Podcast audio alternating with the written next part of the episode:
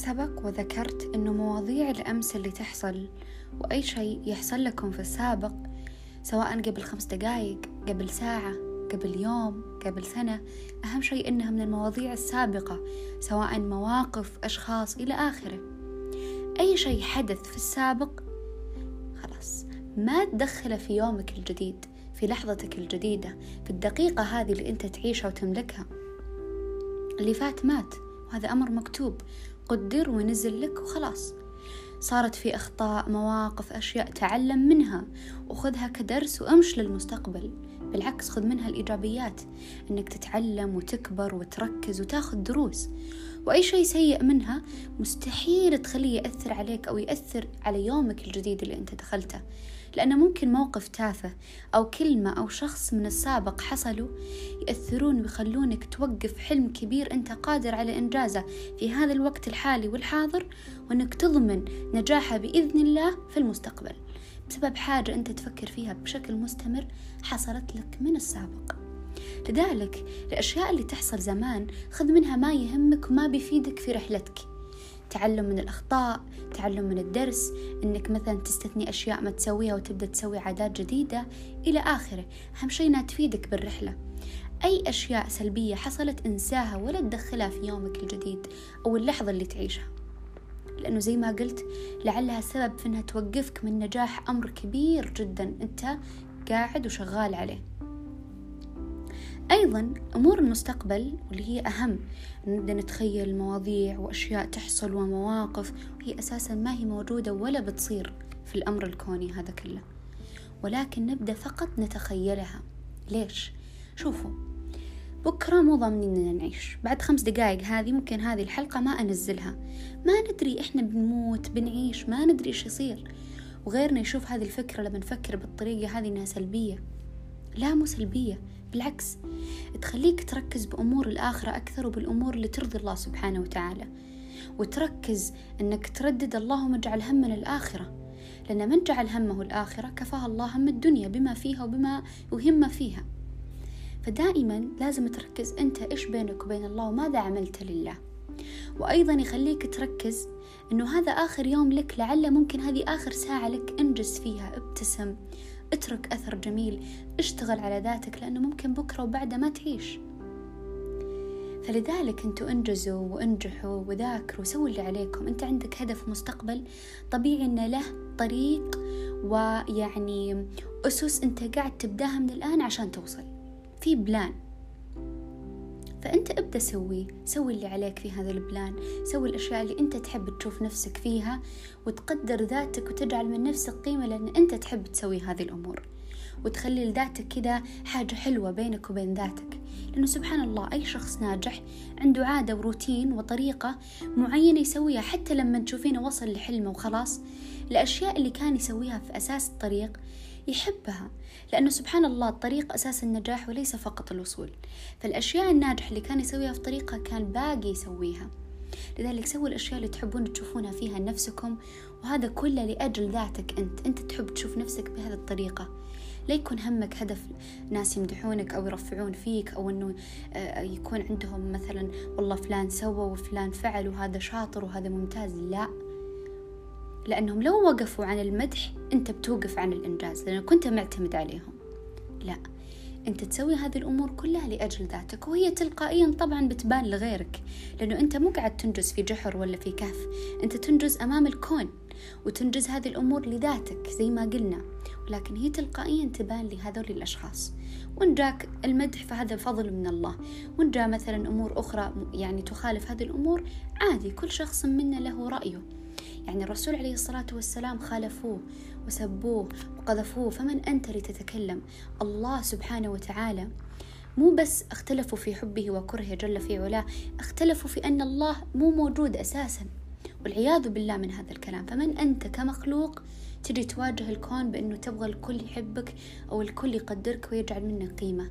بالعكس أنت لما تجعل من جواتك قيمة مستمرة ما توقف والله العظيم لو تشوف اللي تشوفه أنت بتكون مستمر بالإنجاز والنجاح.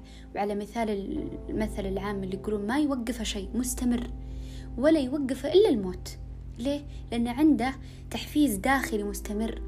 تحفيز ما يوقف. سبحان الله أعماله تلقائيا تبان للناس. جاه مدح ما جاه مدح ما يهمه. نجح غيري ما نجح غيري. والله غيري وصل لغايته وهدفه بالعكس تلاقيه يصفق له تلاقيه يعزز له تلاقيه ينصحه تلاقيه فعلا يكون معاه ويدعمه لأنه متصالح هذا الناجح مع ذاته ومع الإنجازات اللي هو عارف بإذن الله أنه بيحققها. لأن كلنا مو متشابهين كل واحد عنده هدف حلم طموح يعني حتى لو مثلا اثنين متفقين يبغون يكونوا مهندسين تقولين نفس الهدف بس كل واحد عنده طريق كل واحد عنده روتين كل واحد عنده طريقة يفكر فيها فستل في اختلاف بيننا. لذلك لابد أن ندعم بعض في نفس الوقت ما نعتمد على مؤثرات خارجية تمدحنا. لأنه لما تعتمدين صدقيني وخذيها مني. لو وقفت هذه يعني المؤثرات عن المدح تبدين أنت توقفين وتحسين أو في شيء خطأ سويته أو تبدين حتى تشكين بذاتك أنت ما سويت شيء بس مستمرة. لذلك لا تعتمدون على هذه الأشياء الخارجية. دائما اعتمدوا على الصوت الداخلي اللي أنتم عندكم إياه. هذا الصوت عمره ما يوقف. بما أن عمره ما يوقف أنت برضه ما بتوقفين من الإنجاز والنجاح بتوصلين وبتحققين شيء أنت من زمان تبغينه. بتلاقين حلمك وصل وتحقق لأنه الشخص اللي جواته موجود. لأنه أنت اللي بتكون مع نفسك الآن وفي المستقبل في قبرك وبتتحاسب لحالك وانولدت وشفت الحياة هذه كلها لحالك وبمفردك. صحيح في أهل في أصدقاء في ناس وقبل كل هذه الأشياء الله سبحانه وتعالى معك ولكن نتكلم من جانب آخر أنه حتى جانب دنيوي أنت اللي من أخترت هذه الأهداف؟ وأنت اللي اخترت طريق الوصول؟ وأنت اللي اخترت الطريق اللي أنت تبدأ فيه هذا المشوار؟ كل شيء أنت دبرته. أنت اللي بتوصل أنت اللي بتحقق أنت اللي بتتعلم أنت اللي بتطيح وبتقوم أنت اللي بتتعثر وبتستيقظ. كل هذه الأمور لحالك. فاجعل مصدر المدح والقوة والإنجاز بعد الله سبحانه وتعالى وإنك تتوكل عليه. ودائما تعمل بينك وبين الله حصيلة. تجعلك دائما في يعني يومك مبارك حياتك سعيدة. لأن طبعا كسبت الدنيا والآخرة. ولكن نتكلم أيضا عن أنت من داخلك. التشجيع المستمر هذا ما يوقف خلاص وانه أنت دائما قوي من جوا حتكون قوي من برا. حتوصل. فمهم جدا إنه ما نعتمد على الأمور الخارجية أو الاشياء الخارجية. لأنه لو اعتمدنا عليهم وفجأة يعني ما حد ما حد مدحك بتحس إنه كل الناس مثلا يكرهونك أو كل الناس مثلا زي ما قلنا قاموا عليك ولا ولا وما في شيء. طبيعيا عادي.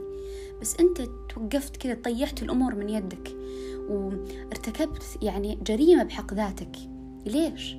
أنت كنت مواصل ومستمر ابعد الناس منك سواء مدح ذنب كيفهم. أنا عندي حلم وبوصل له بإذن الله. ومرات لما زي ما قلت خلي من جواتك المشجع الوحيد لأنه لو كان فعلا مشجع وحقيقي من جواتك أنت كونته لنفسك وخليت عقلك الباطن هذا يثبت بذات أنه أنت ناجح أنت قوي أنت سعيد أنت واثق. ومع هذا الفعل ومع هذا الكلام تكرر. لأنه ممكن تقول هذا الكلام لنفسك لكن ما حد يصدق لا أنت ولا عقلك ما في شيء بيصير. قاعد تكذب على نفسك. أنا واثق أنا سعيد وأنت كذاب لكن لا. كرر هذه الأمور على ذاتك وبالتطبيق دعمها. تلاقي عقلك الباطن بدأ يسجل هذا الشيء ولما بدأ يسجله أنت بديت تطبقه ولما بديت تطبقه وتكرره الناس كلهم أخذوا عنك هذه الفكرة الجميلة. وبالعكس حتى لو أخذتها بفكرة سيئة. فلذلك زي ما قلت زي ما أنت قدرت تخلق لنفسك شخص يشجع من جواته طول الوقت في ناس قاعدين يخلقون لهم من جوا عدو. زي ما قلنا على المثل يعني وفعلا صحيح الإنسان عدو نفسه. ممكن ما في أحد يكرهك ما في أحد ينتقدك وعادي ناس اختلاف آراء لكن أنت تشوف كل الناس يكرهونك. كل الناس مثلا فجأة يقومون عليك أنه أنت ناجح ومستمر وفعلا قاعد تنجز وتذاكر وتقدم أفضل ما عندك. ومع ذلك ما قاعد تشوف مردود. أولا لأنك قاعد ترتكب خطأ ترتكب خطأ. زي ما قلناه أنك تعتمد على شيء خارجي هذا قلناه خطأ. والشيء الثاني أنه أنت من جواتك فيه عدو فشوفوا الشيئين اللي أنت خلقتهم لنفسك. عدو داخلي واعتماد خارجي. فليش؟ فبدال ما تدخل العدو هذا كأنه لابسين نظارة ملوثة. كذا النظارة فيها غبار. والعالم من برا نظيفة ورائعة ما في شيء أمور ممتازة. بس أنت تشوف الكل ملوث الكل وسخ لأنه النظرية عندك ملوثة. لذلك صحح ما في بالك صحح ما في عقلك نظف الأمر نظف النظارة هذه. بتشوف الكم الجميع راقي وعادي ونظيف. حتى وإن وجد تلوث أو انتقاد أو أو أو بتكون عندك وعي بيكون عندك فعلا وعي عظيم. إنه الكل يختلف بآراء الكل له رأي الكل عنده شيء معين يمثله عادي. أهم شيء أنا من جواتي ما عندي لا عدو ذاتي ولا أني معتمد على مد خارجي مستمرة ما يوقفني شيء. دائما كرروا على ذاتكم هذه الكلمة مستمرين ما يوقفنا شيء. ومن جواتنا في عدو لا ما في عدو. ممكن يكون في عدو إلى الآن بس أنتوا لا تكذبون على نفسكم تقولوا ما في عدو وتستسلمون للاكتئاب. لا. كرري ما في عدو ما في عدو ما في عدو. عقلك الباطن هذا أنت قاعد تخدعينه بالكلمة ويصدق ويخليك تطبقين أنه أنت فعلا ما عندك عدو داخلي وأنت مو عدوة نفسك وتنجحين وتستمرين. فممكن الناس طبيعية من الخارج لكن أنت عندك عدو داخلي بكبرك أنت. فقاعد تشوف الخلل في الكل. صح الخلل من جوا بتشوف الأمور طبيعية والدنيا تساهيل والكون هذا أمر طبيعي اختلاف. وبتكمل أحلامك والأمور اللي كتبتها بتوصلها والأمر موجود ومقدر ومكتوب.